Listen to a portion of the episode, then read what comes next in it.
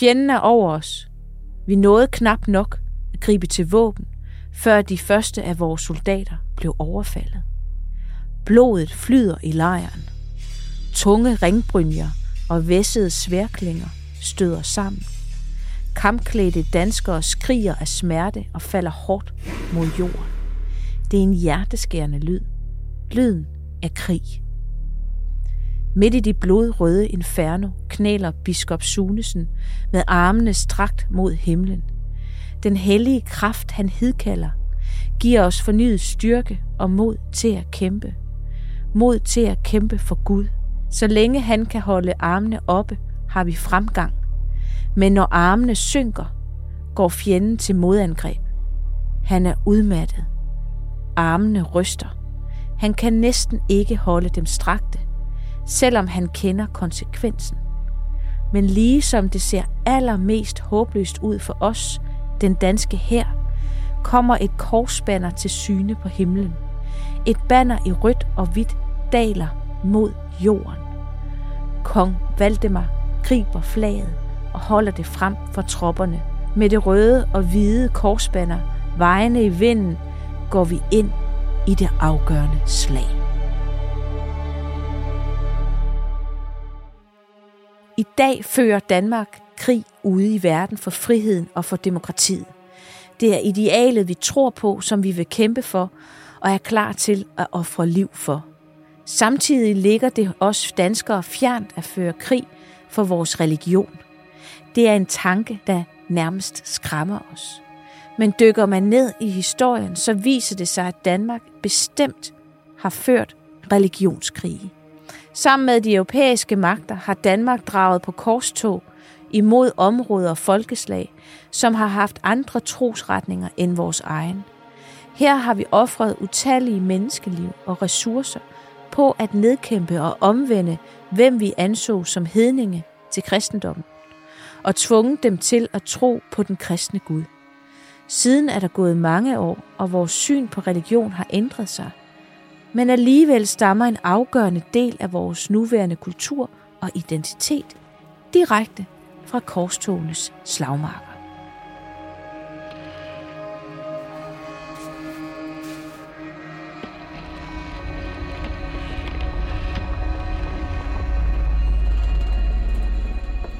Velkommen til Varebergs Danmarks Historie. Mit navn er Jeanette Vareberg. Jeg er museumsinspektør, arkeolog og forfatter.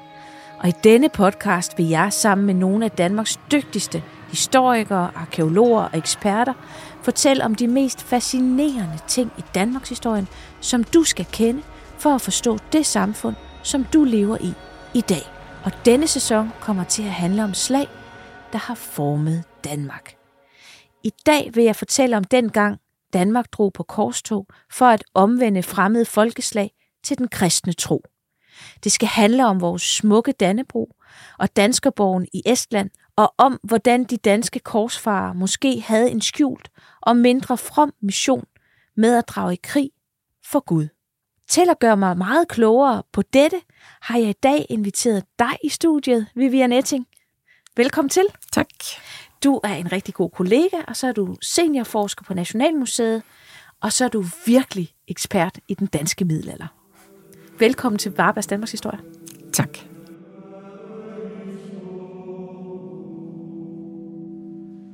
Lad dem, der er vant til at føre formålsløse private krige mod andre troende, drage mod de vantro i en krig, der skal påbegyndes nu og fuldendes i sejr.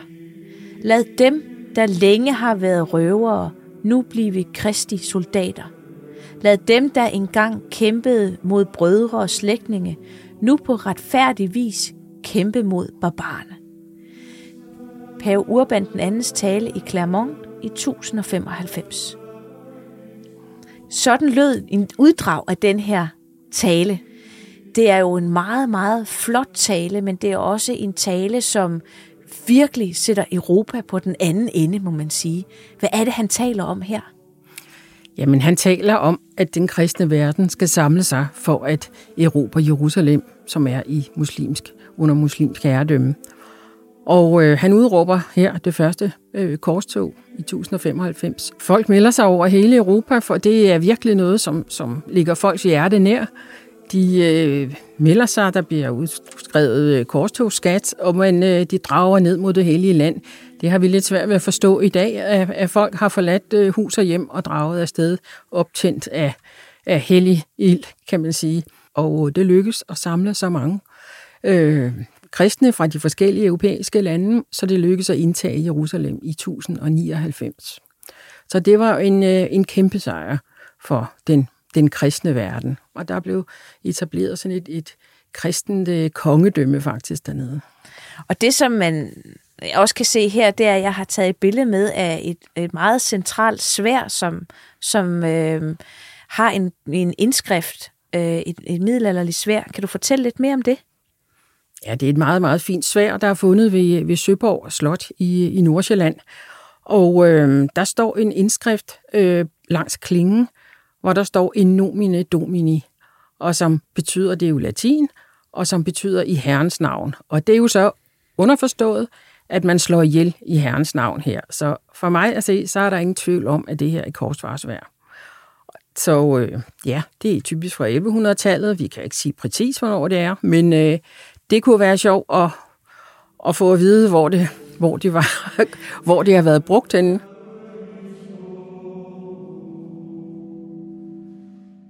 Det stopper jo ikke med den, med den tale, han holder, og de tager afsted på et korstur, men bliver jo ved med at have, at, at, at have kampe dernede. Og, og der er også en, øh, en beskrivelse af den danske adelsreaktion, da vi er oppe i længere tid i 1187, hvor øh, Jerusalem er faldet til den muslimske her, og der siger de nemlig, da kongen og alle de tilstedeværende hørte dette, brød de ud i gråd og suk. De forstummede alle ganske, og ingen formåede at give budbringerne noget svar, overvældet som de var af den store sorg. Det kan jo virke for os som meget, meget mærkeligt, at de kan blive overvældet af en stor sorg over, at Jerusalem, som var blevet erobret, nu er faldet. Men det er en fuldstændig lammelse for folk. Altså, der har været en fuldstændig lammelse. Nu troede man, man havde Jerusalem. Hvad nu? Det er jo fuldstændig frygteligt. Og øh, der er faktisk... Øh, Esben Snare rejser sig faktisk og foreslår, at danskerne foretager et, en, øh, et korstog til den hellige by, øh, til Jerusalem, for at erobre den tilbage. Og det er der mange, der, der synes, det de bakker de op om. Men øh, det endte med en, en masse forfærdelige forviklinger, så de endte først med at komme derned øh, meget pænt lang tid efter. Og da de så endelig nåede til Jerusalem, så fik de at vide, at den engelske kong Richard Løvehjerte lige havde indgået en fredsaftale med, med sultan Saladin om, at, øh, om at de var velkommen til at, at besøge de hellige steder, men, men måtte ikke foretage væbnet angreb. Så de her stakkels danske korsfarer, de måtte drage hjem igen. Uden at løfte et svær. Nej, det er altså også, øh, altså nu er jeg jo født Fynbo. Vi har sådan et godt udtryk, der hedder, at det er bisset. Øh, når man kommer afsted der og tror, man skal i kamp og alt muligt andet, og så har, har Richard Løvehjerte ordnet det hele.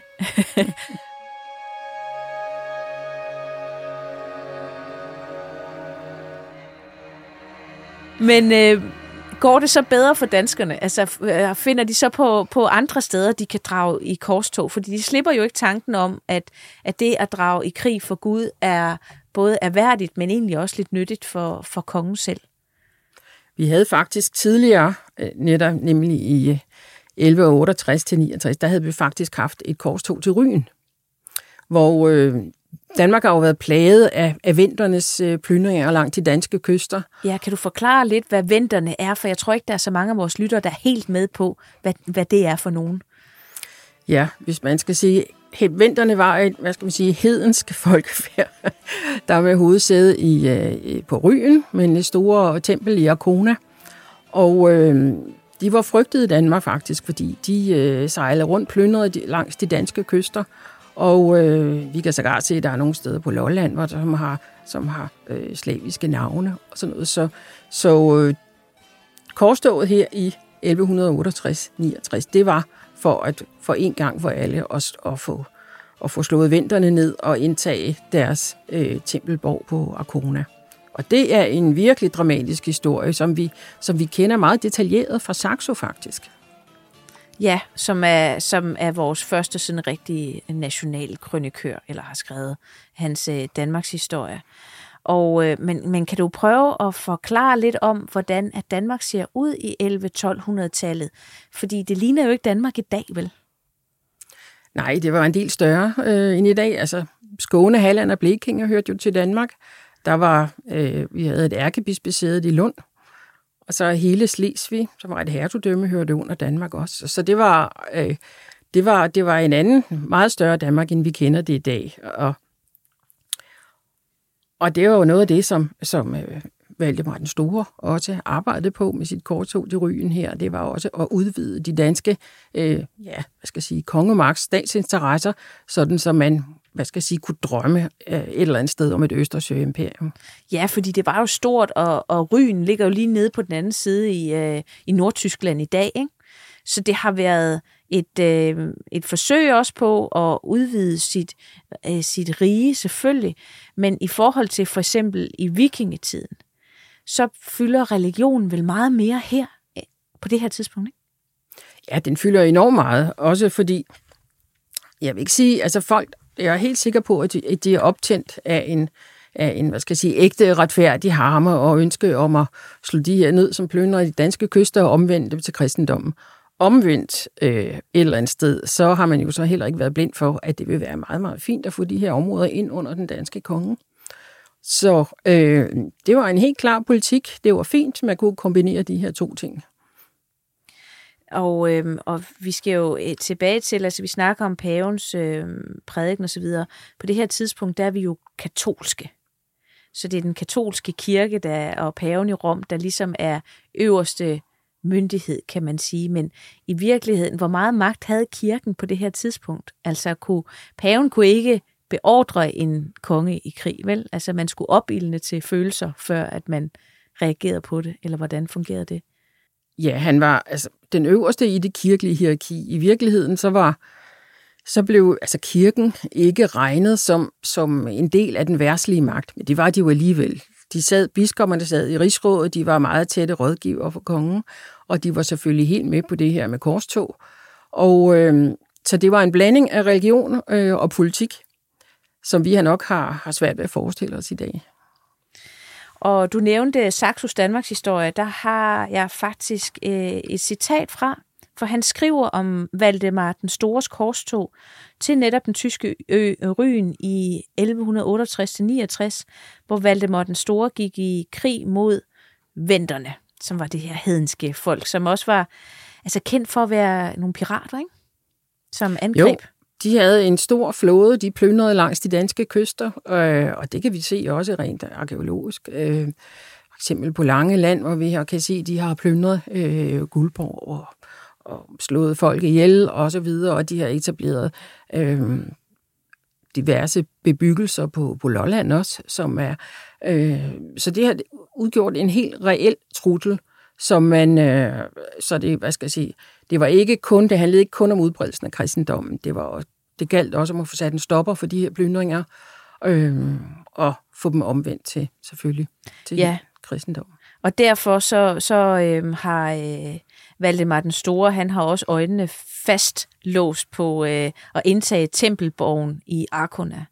Og Saxo han skriver, Herpå fik byens folk ordre om at lægge reb om statuen og trække den ud af byen, men deres gamle indgroede tro gjorde, at de ikke turde gøre det selv, og derfor beordrede de krigsfanger og byens fremmede handelsfolk til at skaffe den af vejen. Det var bedst at lade Gudens frede gå ud over den slags usle mennesker, mente de. De forestillede sig nemlig, at deres mægtige Gud, som de havde været vant til at tilbede med så stor ærefrygt, øjeblikkeligt ville hævne sig grusomt på dem, der krænkede ham. Men på det tidspunkt hørte man nu vidt forskellige reaktioner blandt byens borgere. Der var nogen, der jamrede over, at det gik deres guddom så galt, men der var andre, der lå. Og der er der heller ingen tvivl om, at den mere fornuftige del af befolkningen skammede sig, da det gik op for dem, hvor naive de havde været i alle de år, hvor de var blevet holdt for nar med denne tåbelige overtro. Så kan man ligesom se, at Saxo han er, han er på øh, danskernes side her. ja, det må man helt klart sige. Han var jo ansat af ærkebiskop Absalon til at skrive historien om danernes øh, bedrifter. Og Absalon var med sammen med Valdemar den Store. Saxo skriver, at han, øh, at han altid havde sin øh, kampøkse i siden. Så øh, jeg tror ikke, at han kun har virket i kirkelige sammenhæng, om man så må sige. og vi kan se, at på blytavlen i, i Valdemar den Stores grav i, i Ringsted, der står der, at han roser sig selv som fædrelandets befrier og fredens bevarer, og nu citerer jeg, der undertvang ryboerne og omvendte dem som den første til troen på Kristus. Så det er virkelig noget, der for ham, der har været altså, utrolig vigtigt, og det var jo, hvad skal jeg sige, godt bevis. De kunne vælte den her svantevidt om, statuen om, og der skete ikke noget. Det var et godt bevis for, at Kristus var den stærkeste. Ja, og de mest fornuftige, de skammede sig også lidt over, at de havde troet på den der mærkelige afgud. Kan du fortælle mig lidt mere om, hvem Valdemar den Store var for en type konge? Jamen, han kommer jo til som konge i, i 1157, og øh, så er han konge i mange år, indtil han dør i, i 1182. Og han blev jo han er jo en, der er meget kendt, fordi han havde et tæt forhold til sin, til sin fosterbror Absalon og, øh, og Esbern Snare. Kan du fortælle lidt mere om Valdemar den Store og, og Absalon? De havde jo et utroligt nært forhold. Valdemar den Store var jo vokset op øh, som, som fosterbror til, øh, til øh, Absalon og Esbern Snare i Fjendeslev, og øh, de bevarede gennem hele livet et meget, meget nært øh, venskab. Så og det er jo også noget af det, som, som, som Saxo virkelig understreger, det er det her tætte, tætte øh, forhold mellem, mellem de to. Ja, og Esben Snare også i virkeligheden. Ja, præcis. De, de var nærmest tre gode venner, eller hvordan skal man forstå ja. det? Ja, og der kan vi også se, at Valdemar Store skænker København til Absalon, og han skænker Kalumborg til Esbern Snare. Altså, de, de, de, bliver, de holder meget, meget tæt sammen. Ja, og her hvor vi sidder på, på Nationalmuseet, hvis man lige går, går op ad Gammel Strand, så er der jo den her statue også af Absalon til hest med sin, sin økse, ikke? Så, så det er jo også en lidt atypisk biskop, vi har med at gøre her, ikke? Jo, det er det helt sikkert. Um, Saxo, krønikeskriveren Saxo, han er, jo, altså, han er jo samtidig med begivenhederne her, og han er blevet ansat af Absalon til at skrive det her, så det er klart, han berømmer Absalon i alle, hvad skal jeg sige, ender kanter, ikke? Så... han vil gerne beholde sit job, siger du? ja, og han skriver den her fantastiske krønike, hvor, hvor nogle ting, der er det næsten af en øjenvidensskildring af, af det her. Vi må, ja, måske formode, at han har været med og, og se simpelthen plyndringen af, af templet i Arkona. Ja, fordi det er meget sådan, øh, altså, øh, man, man fornemmer nærmest, at, at han skriver noget her, som måske ikke er andenhånds, eller tredjehånds, eller fjerdehånds beretning, men måske er det noget, han har set med egne øjne.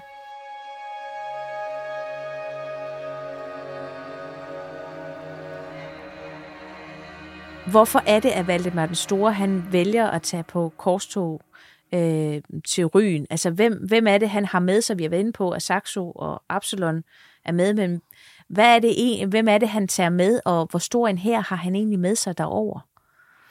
Uh, vi er jo altså 800 år øh, tilbage, så det, vi har ikke nogen desværre tal på, okay. øh, hvor stor hæren var. Slet ikke.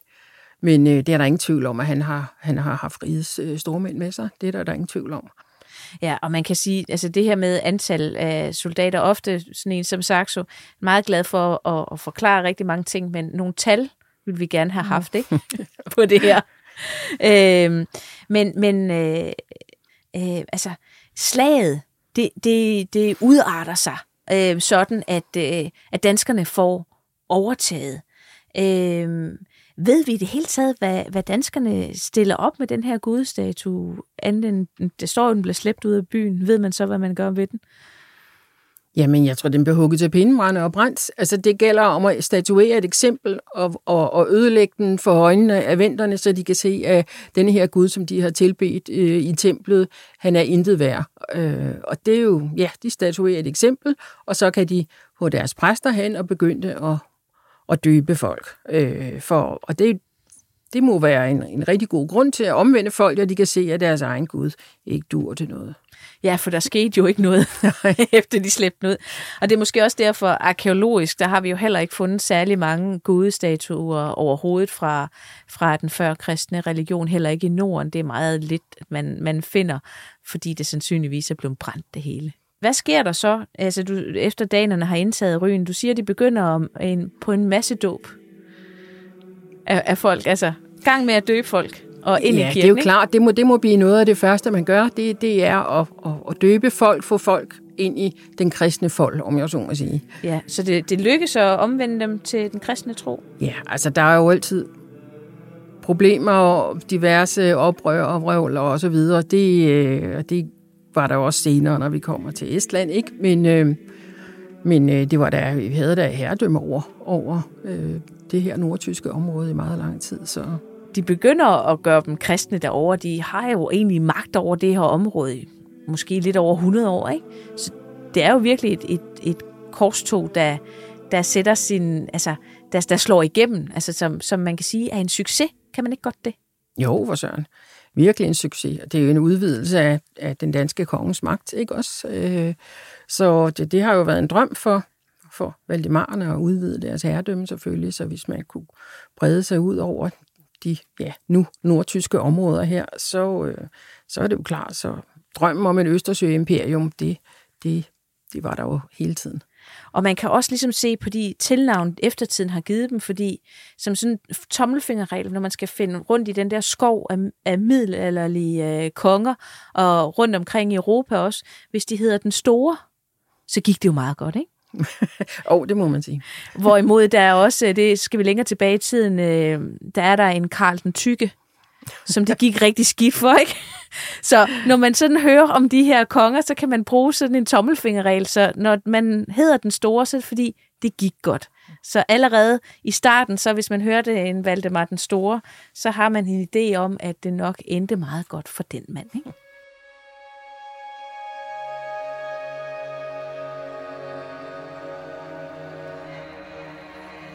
Men næsten 50 år senere, så øh, er, den, er de i gang igen.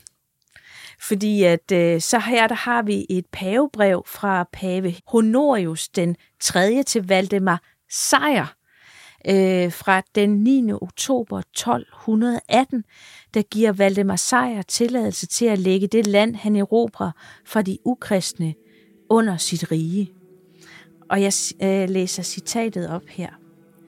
Så tilstår vi dig ved dette brevs myndighed, hvad du har forlangt, for at nævnte folkeslag, hvis sind mørkets engel har forblindet ved din iver, omsorgsfulde konge, med bistand fra Guds nåde, kan nå til erkendelsen af det sande lys og nytte og gavn, blive følgen af din møje. Nu er vi kommet lidt længere op i tid, og som jeg sagde før det her med Valdemar den Store, så gik det meget godt. Men jeg tænker, en mand, der hedder Valdemar Sejr, det er vel også en øh, konge, som har noget succes? Det gik helt klart også fint for ham. og det er jo her, vi har hele historien om korstoget til Estland i 1219, som er, er virkelig berømt i Danmarks historie jo. Når vi fejrer Valdemars dag den 15. juni, så er det jo det store slag ved, ved Lyndanise. Ja, og, og kan du sætte nogle flere ord på, hvem Valdemar Sejr han var? Altså, hvad var det han for en type konge? Hvad var hans baggrund? Ja, han, han tilhørte jo Valdemarernes slægt, og han var øh, han er jo virkelig altså, kendt herhjemme. De fleste kender ham som, som hans dronning, eh, dronning Dagmar jo, som en, og senere bliver han gift med dronning Berengaria. Så han er en meget øh, myteomspunden person her, og det går rigtig godt. Og øh, han forstår at, at knytte store mænd til sig, og det er jo også det, der sker i, i ved korstoget i Estland 1219, hvor han, øh, hvor han hvor han det skriver paven jo direkte, det er efter ansøgning af Valdemar Sejr, om at han kan inddrage de her erobrede områder i Estland under Danmark. Øh, og det er så det, som, som paven godkender. Så øh, han kender godt spillets regler. Så øh, ja, en af vores ja, heltekonger i dansk historieskrivning, kan man godt sige. og, hvorfor er det egentlig, han, han vælger at skrive den her ansøgning til paven? Altså, du siger, han er en mand, som i, i høj grad er, er, er, er fremsynet og har fingeren på pulsen i virkeligheden også i, i forhold til Europa og paven. Men hvad, hvad er det, der gør, at han vælger at, at, at kigge efter og drage på korstog til Estland? Ja, vi skal jo tænke på, på det her tidspunkt, der er, øh, der er Jerusalem jo ikke under kristen herredømme her, men øh, han får pavens tilladelse til at drage, drage til, til Estland i stedet for at omvende hedningene her, øh, og der kan han få den samme syndsforladelse, som hvis han drager til det hellige land og prøver at indtage Jerusalem. Så, øh, så det bliver de bliver paralleliseret, de her øh, han får pavelig, korstog. Ja. Altså han får pavelig dispensation til at gå efter Estland, ja. kan man sige. Ja, at det er så, hvad skal jeg sige, det er lige så godt som at, som at, om at drage til kors, på korstog til Jerusalem. Og så han samler en, en, en stor styrke på det her tidspunkt. Det må vi jo have, fordi at man kan sige, at angribe Ryen, der ligger i Nordtyskland, det er et smut over Østersøen. Vi skal lidt længere væk her, ikke? Jo, det er klart. Der er, der er øh, helt klart et stykke her. Um, vi kan lige se med, med, med forberedelserne, altså forud for, for korstoget 1219, der, der, der, altså vi har nogle gode kilder. Der er en, der hedder Henrik af Letland, og øh, som er samtidig kilde, som beskriver ret detaljeret, og så har vi sådan nogle som Valdemar over bogen her. Og de skriver om et møde i Slesvig, nemlig i 1218, hvor, hvor, hvor Valdemar øh, Sejr har, har sammenkaldt rigets stormænd. Øh, og i, i den forbindelse, der bliver hans søn kåret til hans øh, efterfølger. Men under det her møde, så dukker der øh, dukker folk op. Han, får, han får, bliver orienteret om, at der er den her kritiske situation, der er i Estland, og man øh, beslutter sig til at drage på korstog det følgende år. Han siger, både til den hellige jomfrus ære og for sine sønders forladelse. Og det var det, der sådan gik forud for pavens godkendelse. Så, så man, har, man har virkelig man har samlet sammen her, man har forberedt det rigtig godt. Man har, vi kan se fra nogle årbøger, han alder, de skriver, danske, den danske her sejlede til Estland med en flåde på 1.500 langskibe. Så har vi tal på, på herren der. Det var dejligt. Det er jo en meget stor her. Skriver han mere om, om den her her? Nej, vi skal nok også tage det med grænsalt, helt klart. Altså, det er usædvanligt stort. 1.500 langskibe, det er jo altså forbløsende stort. Så altså, man skal tænke sig på, på det her tidspunkt, der var det jo faktisk det samme type skibe, langskib, som, som vikingerne havde brugt. Og øh, der er nogle af de største, de kunne, der kunne måske være omkring 100 personer på.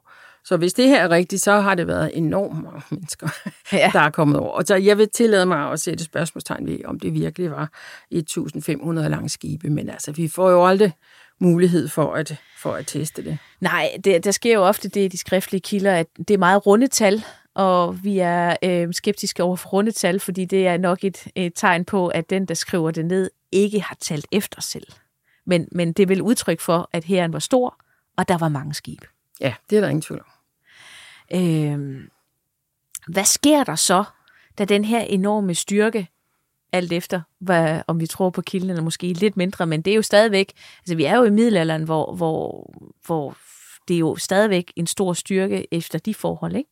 Jo. Må vi jo øh, øh, antage. Hvad sker der så, når de kommer til, til Estland? Jamen, der sker det, og det er, der har vi en ret detaljeret beretning af ham, jeg nævnte før, kronikeskriveren Henrik Letland, som var samtidig med de her begivenheder og følger det tæt. Og øh, han skriver så, at danskerne de startede med at indtage fæstningen øh, Lyndanise og rev den ned, og så opfører de en ny, som de kaldte Tallinn. Og øh, det betyder Danskerborgen eller Danskerbyen, og det hedder den stadigvæk. Så, øh, ja, vel, øh, den er hovedstad, ikke? Jo, jo, jo, i Estland, ja. Så hovedstaden i Estland hedder simpelthen øh, Danskerborgen eller Danskerbyen. Ja. Og senere så fortæller han om, at der, øh, der kommer en række udsendinger fra de her æstere, øh, der falsk lover at vil omvende sig til kristendommen.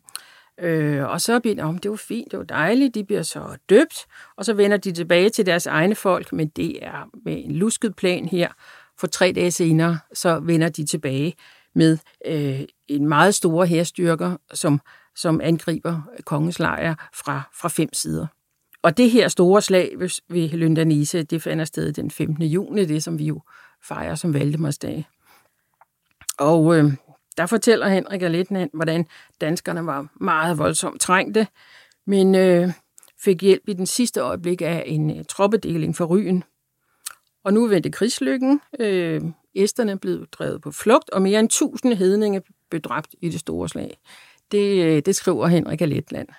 Så det har været, det har været, altså ikke været nemt for Valdemar Sejr at komme over. Selvom han kom med en stor her, så er de altså velforberedte i Estland, og, og ikke sådan lige nemme at, at, at slås imod. Nej, de har ikke været helt åbne for, for at blive kristne lige med det samme, lød det som om. Men, men øh, altså, det her med, at de, de lader som om, at de vil lade sig døbe, og så øh, vender de tilbage med en kæmpe her, som angriber fra fem sider.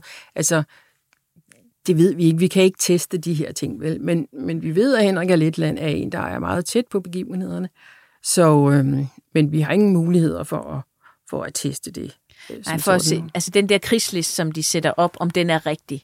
Øh, men altså, det, det lyder jo som, som plausibelt nok, altså som, som noget, der kunne være sket. Altså det er jo ikke noget, vi, hvor vi sådan kan affærdige og sige, at det er helt, øh, det han skriver, det er helt umuligt. Altså det er jo en stor sandsynlighed, at, at det er sådan, det kunne have foregået. Jo, altså det, det kan jo godt, det kan jo godt være, altså man, at man på skrømt, at de på skrømt har, har sagt, at de må de være kristne, og så mens så har de uh, rekognosceret rundt i kongens lejr og set, hvor de skal, hvor der er de sårbare steder, hvor de skal slå ind, ikke? Og, øh, men øh, det lykkedes så til sidst for, for danskerne at, at slå dem ned.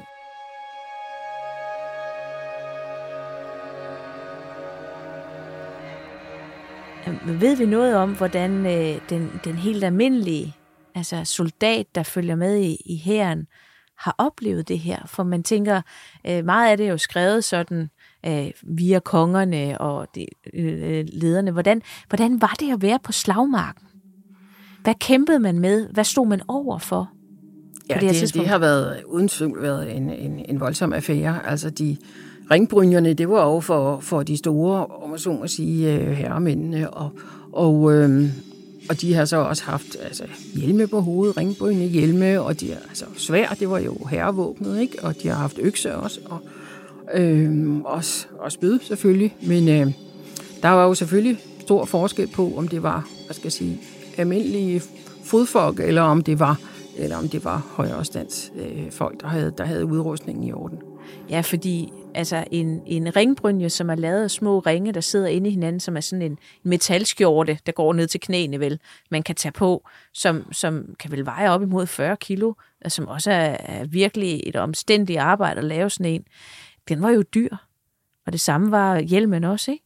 Jo, det har været kæmpe dyrt altså, at gøre, og det har, hvad skal jeg sige, almindelige mennesker ikke. Vi ved ikke, hvor mange, altså man, men altså, men i lovgivningen, så, så havde folk jo øh, pligt til at stille, når kongen kaldte i leding, øhm, og man skulle betale korstogsskatter, der blev inddraget, eller inddrevet af kirken, og så må sige. Men, øhm, og de har selvfølgelig ikke haft de her udrustning, som, som stormændene havde overhovedet. Men det er jo klart, de har jo de har dog haft for eksempel altså, de, altså økse og spøde og så videre, som, som vi jo også ser på nogle af vores øh, granitskulpturer og så videre. Ja. Så øh, danskerøksen, som, som de kalder det i England. Ikke? Jo, ja. men det er jo en voldsom våben, så det har også været, altså slagmarken har været et grimt sted at være, for man kæmper mand mod mand, ikke? Jo.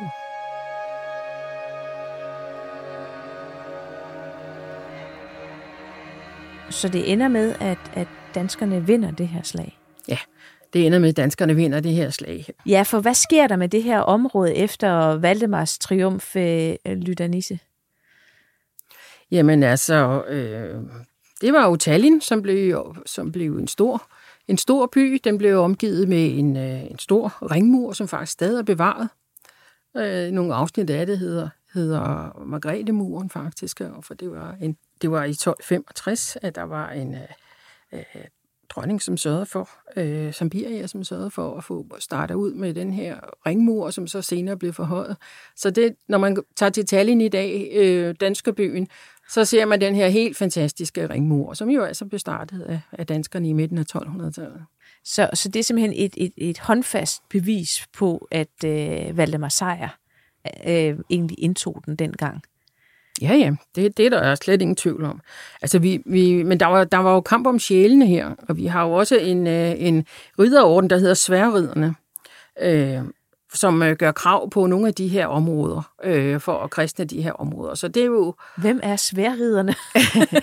Jamen, det er en, øh, en, en gejstlig ridderorden, som opererer her i, i, øh, i det østlige øh, del af, af Østersøen i de her år. Senere kommer der også noget, der hedder Tyske Orden. Det er underligt for os at tænke i dag, ikke? men øh, øh, de har haft, man har, man har slået som sjælene, også fordi, at øh, hvor, hvilken øh, kirke skulle det ind under, eller rettere sagt, hvilken bispestol skulle det ind under, så, så øh, der har været virkelig været kamp om det her. Men altså Danmark øh, holdt jo holdt jo Estland faktisk i 127 år, øh, helt indtil 1346. På den slagmark, hvor de kæmpede, og hvor, hvor de øh, vandt øh, store dele af, af Estland, øh, det er jo også noget, der bliver markeret i dag, som, som du har nævnt. Altså, vi har jo stadigvæk en særlig dag, øh, som, hvor vi mindes det her. Ja, vi har Valdemarsdag, og flaget går til tops. Dannebro går til tops over hele landet den 15. juni, som efter traditionen af den dag, hvor det, hvor det faldt ned fra himlen. Øhm, der er jo ingen tvivl om, at det er en korstogsfane. Og i virkeligheden møder man det allerede hos, hos øh, ikke Dannebro som sådan, men man ser nogle mønter, som man store udsteder, øh, hvor man kan se en, øh, en korsfane på. Og så det er meget sandsynligt, at man har haft en korsfane med, for det var jo et korstog, man var på. Senere, der kan man se, efter erobringen øh, der i 1219, så er det jo så Valdemar Sejr, så udsteder han nogle mønter, hvor man kan se, der er der et bispestav og et svær, der står over kors underforstået, altså dobbeltheden her, man nedkæmper dem med, med, med sværet, men de bliver så inddraget i, i, i Kristi jord, fordi biskoppen er jo en slags øh, hyrde for sine folk. Så det er utrolig øh, symbolsk, de her mønter, han, lå, han lader slå efter. Men altså, for lige at slå det helt fast, altså faldt Dannebro ned fra himlen under slaget ved Lyndanisse? Vi kender først historien. Altså, det kan sagtens være, at man har haft et kors, korsfarbander her med et, et, et hvidt kors i, på rød bund. Øh, men, men det her med, at vi først, at det bliver kaldt for, for Dannebro øh, som sådan, det, der kommer vi først op i, i, øh, i 1300-tallet, hvor vi kan se det afbildet sammen med det danske rigsvåben.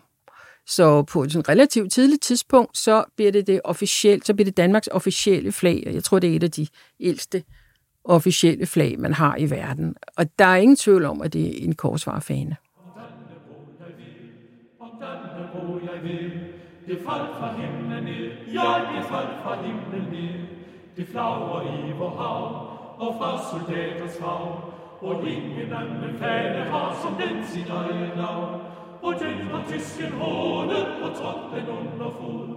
Nej, dertil er vor fane for gammel og... måske har de i virkeligheden haft fanen med sig, da de gik i, i kamp.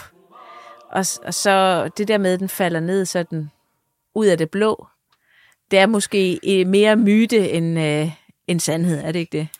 Jo. Hvad tror du? Altså, jo, hvis jeg lige skal jo, jo, trykke dig lidt på maven her. Nej, jeg tror ikke, det er Gud den Almægtige, der har, der har smidt et flag ud her. Det tror jeg ikke. Og der er også lidt, lidt, lidt hvad skal jeg sige, noget påfældende øh, sammenligninger med, med, øh, med øh, slaget ved, ved den romerske kejser Konstantin. Præcis. I, I 312 i slaget ved den Milviske bro, hvor det jo også hedder, at så kom der også bølgende et, et banner ned, og så ved det her skal du sejre. Så, så den har en, en parallel der. Det har og man nemlig. troede, det, det, det er fuldt og fast i, der, der ved, imod udgangen af middelalderen, ikke? Øh, hvor der er en, der hedder krønikeskriveren Christian Pedersen, skriver om det, og en munk skriver også om det. Ikke? Så de er jo helt overbevist om, at sådan er det bare. Men hvad symboliserer den her Dannebrugsmyte så for dem? Altså, hvorfor er den så vigtig for dem? Det symboliserer jo, at det er et korstog, og det er, og det er ikke bare for at nedkæmpe de her folk, men det er for at drage dem ind i den kristne, i den kristne religion. Så på den måde så retfærdiggjorde man hvad skal jeg sige, sin korstog. Det var jo ikke det, var jo ikke det hellige land, man var nede til. Det var ikke Jerusalem, der var tale om her. Det var nogle korstog, som, som passede rigtig godt i den hjemlige magtpolitik. Det kommer vi jo ikke udenom. Nej, det er jo lige præcis det. Det passer jo rigtig godt ind i, i Valdemar Sejers kram, at han lige pludselig fik dispensation for, når man ikke, altså øh, normalt så tog man jo mod, mod Jerusalem, men her gik det så ud over æsterne. Og samtidig med, så har han jo både fået udvidet sit rige, og måske også fået ekstra øh, med, med penge i skattekisten. Og så har han fået både klingende mønt og rene sjæle til sit efterliv. Ja, det kan ikke være bedre. Det var jo den perfekte aftale, han lavede i middelalderen på det her tidspunkt. og, og oven i købet, så får han også en fane dumpende ned i hovedet, som bliver en af verdens ældste øh, faner overhovedet, nemlig Dannebro. Det er næsten for godt til at være sandt, og det er også det, du siger, det nok er.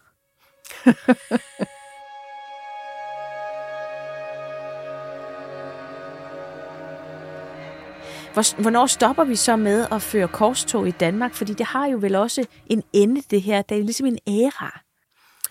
Ja, der bliver, man bliver faktisk ved med at udråbe korstog op gennem middelalderen. Jeg tror, det, det sidste det er i 1487.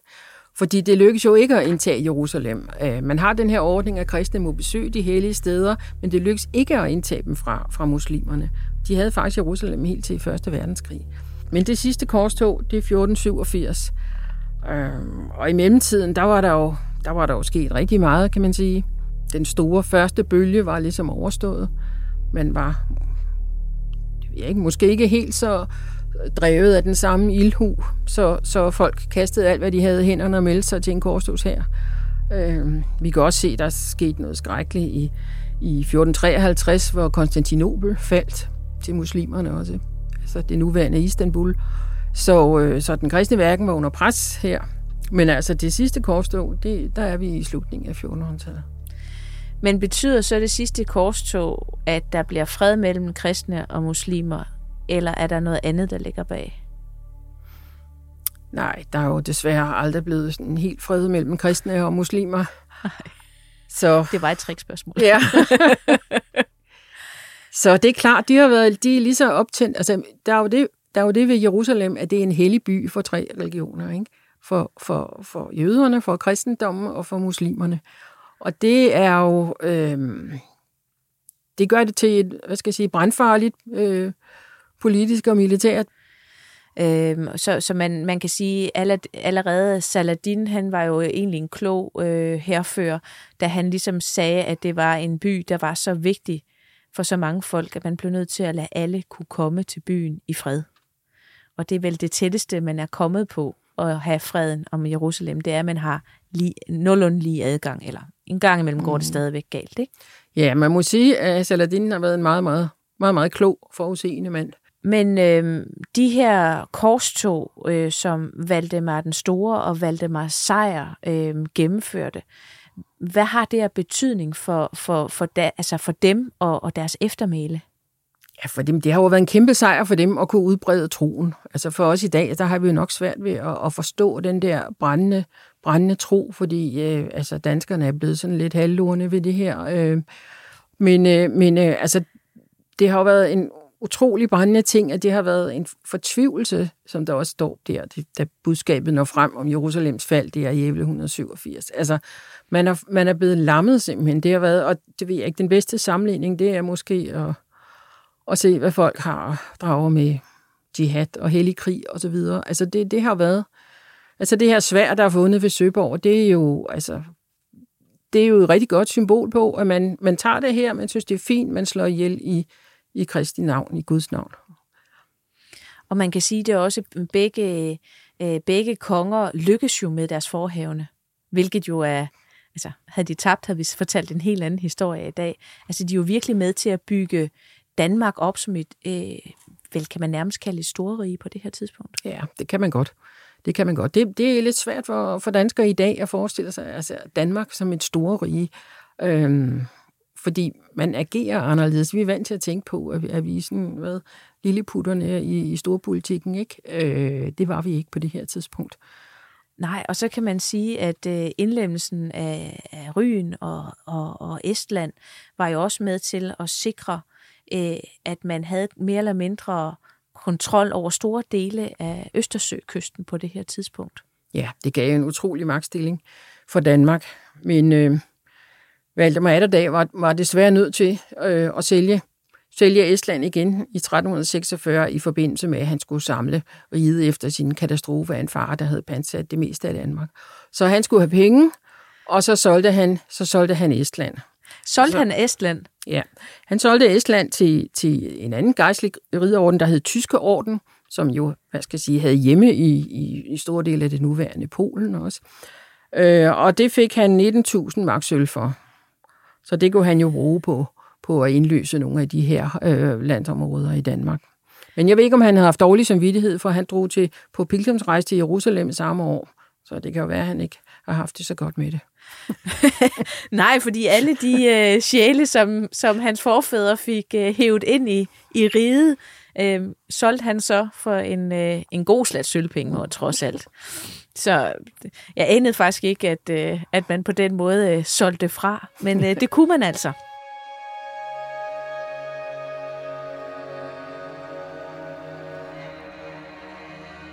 Du var lidt inde på det, det her med, at vi i dag egentlig ser os som en lille nation. Men dengang var vi øh, et storrige på en eller anden måde. Der så man vel Valdemar Sejr og Valdemar Store så vel sig selv ikke som lilleputkonger, men vel som del af Europas største konger, eller hvordan?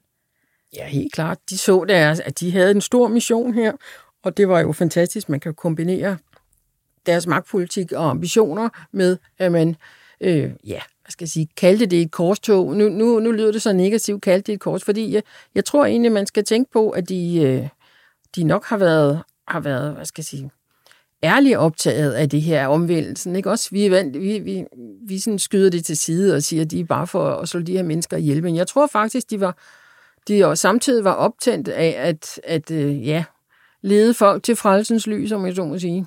De gjorde noget godt. Det, det har de helt klart følt. Og, og, og, og hvad, hvad er der ved den her historie, som gør, at, øh, at danskerne skal høre det i, i dag? Hvad, hvad er det, som, øh, som gør, at det er så vigtigt, at vi kender vores historie og kender de dybe rødder? Det er vigtigt at kende sine rødder, også fordi det giver en selv rigtig meget. Og det, altså, det er jo sjovt at tænke på, når man ser Dannebro veje, at det faktisk er en korstogsfane på den måde har, har altså middelalderen som sådan har jo sat sine, sine øh, virkelig fodspor i, i Danmark på den måde.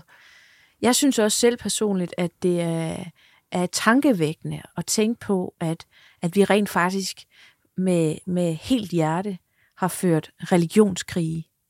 Fordi som, øh, det er også noget, som du nævner, øh, at, at det her med, det er fjernt fra danskerne i dag.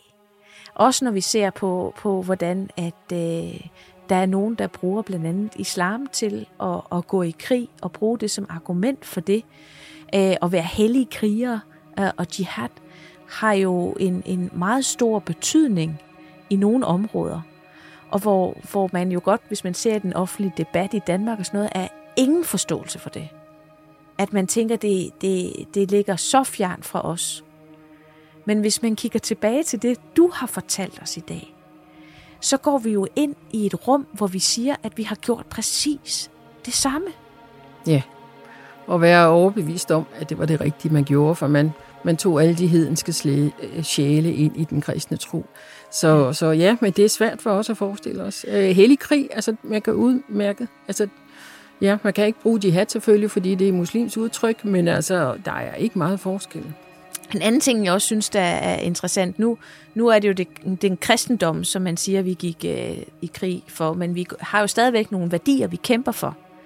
Men i, stad, i dag, der er det jo demokratiet, som er det, som vi holder fanen Dannebro højt for. Så vi har jo stadigvæk noget at kæmpe for i dag. Jo, jo. Det er bare noget andet. Det er meget svært at, at, at kæde sammen med, med hellig krig og demokrati. Men øh, jo, men vi har jo vores historie, som har præget os i den grad. Det er ligesom, vi kan sige, jamen øh, kongehuset, det er jo også absurd i demokrati. Men, øh, men øh, hvad er det? 80-85 procent af den danske befolkning bakker op omkring det, ikke også? Og den, altså, den danske historie har formet os, og det har, det har i den grad også, også korstogene. Og øh, vores egen krønikeskriver Saxo har jo virkelig malende fortalt om, om de her korstog. Ja, så, så det, som, som man kan sige, at, øh, at, at jeg står tilbage med med, med, efter at du har sat mig ind i de her to korstog. Der er jo en idé om, at, at selvom at det store tidshjul ligesom ændrer sig, og vi er langt væk fra korstogstanken, så kan vi stadigvæk godt sætte os ind i de mennesker, der ligesom vil, gerne vil slås for det, de tror på, og som de tror, der er det rigtige. Og så kan man lige som en lille krølle sige, at Valdemar Sejr, han var jo en klog mand, fordi han gjorde det rigtige, og samtidig så tjente han lidt penge på det ved siden af. Så det var en rigtig middelalderkonge. En af de helt store. øh, Vivian Etting, seniorforsker på Nationalmuseet og ekspert i middelalderen. Det var en kæmpe fornøjelse at have dig i studiet i dag og gøre mig klogere på korstog, både til Jerusalem, til Ryn og til Estland. Det har simpelthen været en forrygende fornøjelse at tale med dig i dag. Så mange tusind tak, fordi du kom forbi. Tusind tak selv.